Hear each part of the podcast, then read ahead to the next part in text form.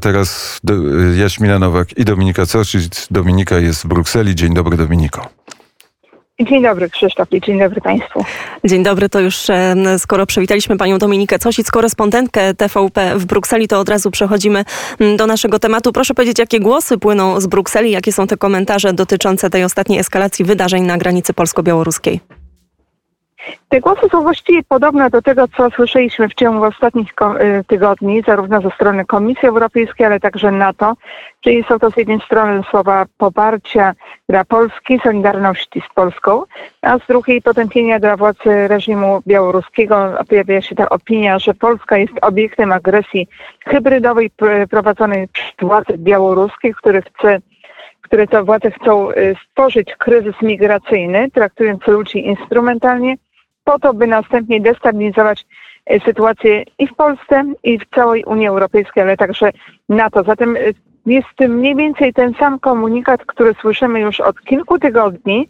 E, jest zapewnienie ze strony Komisji Europejskiej, że jeżeli Polska by chciała, no to wówczas może prosić o na przykład zaangażowanie większe Frontexu w rozwiązanie tego problemu. Jutro tematem będą się zajmować także ambasadorowie krajów członkowskich Unii Europejskiej, też po raz kolejny. Ostatnie takie spotkanie miało miejsce w piątek na wniosek stałego przedstawiciela Polski przy Unii Europejskiej Andrzeja Sadosia. Jutro ponownie pojawi się ten temat, w środę także. Tak więc na tym szczeblu ambasadorów temat jest obecny. Obecnie jest na Komisji Europejskiej, także Parlament Europejski, który co prawda w tym tygodniu podczas mini sesji zaplanował debaty na inne tematy związane z Polską, no bo przecież nie może być e, mini sesji i sesji plenarnej, żeby nie było rezolucji na temat Polski. Tym razem ma chodzić o prawo aborcyjne, aborcyjne w Polsce, ale wydaje mi się, że byłoby aberracją, gdyby w tej sytuacji e, obecnego kryzysu na granicy Parlament Europejski całkowicie to milczeniem. Nawet ta instytucja, chyba jednak trochę zachowuje rozsądku, zatem powinien ten temat również pojawić się na poziomie Parlamentu Europejskiego.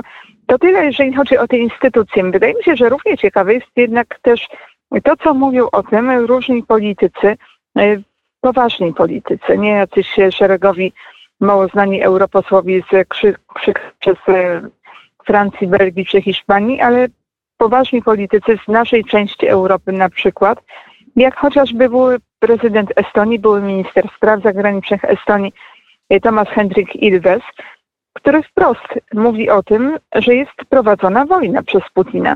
Jedna wojna jest prowadzona bezpośrednio e, przez Putina wobec Ukrainy, a druga teraz e, razem z Łukaszenką prowadzona w formie hybrydowej przeciwko Polsce. To bardzo mocne słowa, ale Ilves jest politykiem, który doskonale zna Rosję wie, jakimi metodami posługuje się reżim rosyjski, reżim białoruski i wie, do czego to wszystko zmierza. Tak więc e, ta jego opinia jest, e, wynika z znajomości tematu, ze zrozumienia tematu. Podobnie też wypowiadał się oczywiście politycy łotewscy, litewscy, szwedzcy też. E, nawet idący, czyli politycy z tych krajów, które wiedzą, czym jest Białoruś, czym jest Rosja, że w tym momencie jest to kryzys migracyjny sztucznie tworzony, a najbardziej niepokojące jest to, że e, właściwie może dojść do jakiejś eskalacji militarnej. militarnej.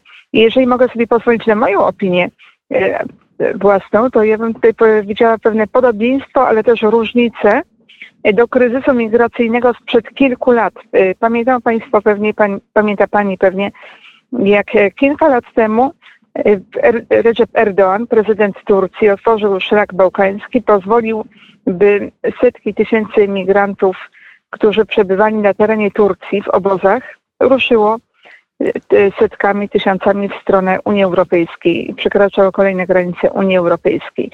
W ten sposób chciał zmusić Unię Europejską do zapłacenia Turcji.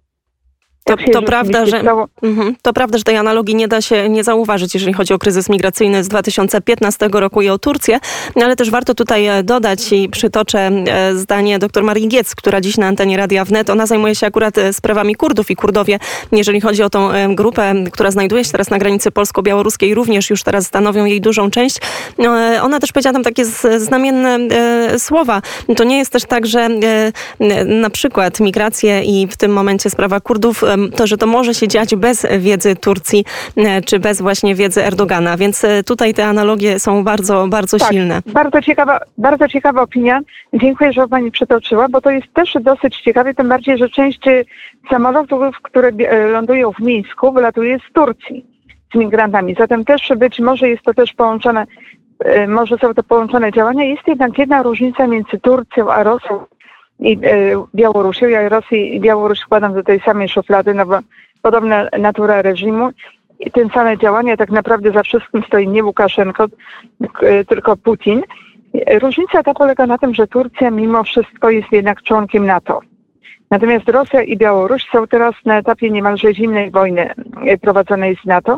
I o ile Turcja chciała owszem eskalowania kryzysu migracyjnego po to, by dostać pieniądze, o tyle w przypadku Rosji, e, ale unikając jednocześnie jakiejś, jakiejś konfrontacji zbrojnej, o tyle w przypadku Rosji i Białorusi jest ryzyko tego, takie, że te kraje będą dążyć do prowokacji. Najlepiej byłoby oczywiście ich zdaniem, żeby któryś polski żołnierz. I tutaj, halo, halo, pani Dominiko, nie wiem, czy się słyszymy. I tutaj, e, drodzy Państwo, postawimy trzy kropki, bo i tak mm, Dominikę Cosic, korespondentkę TVP w Brukseli, złapaliśmy w biegu, ale bardzo serdecznie dziękuję jej za ten komentarz. Mam nadzieję, że może te podziękowania słyszeć.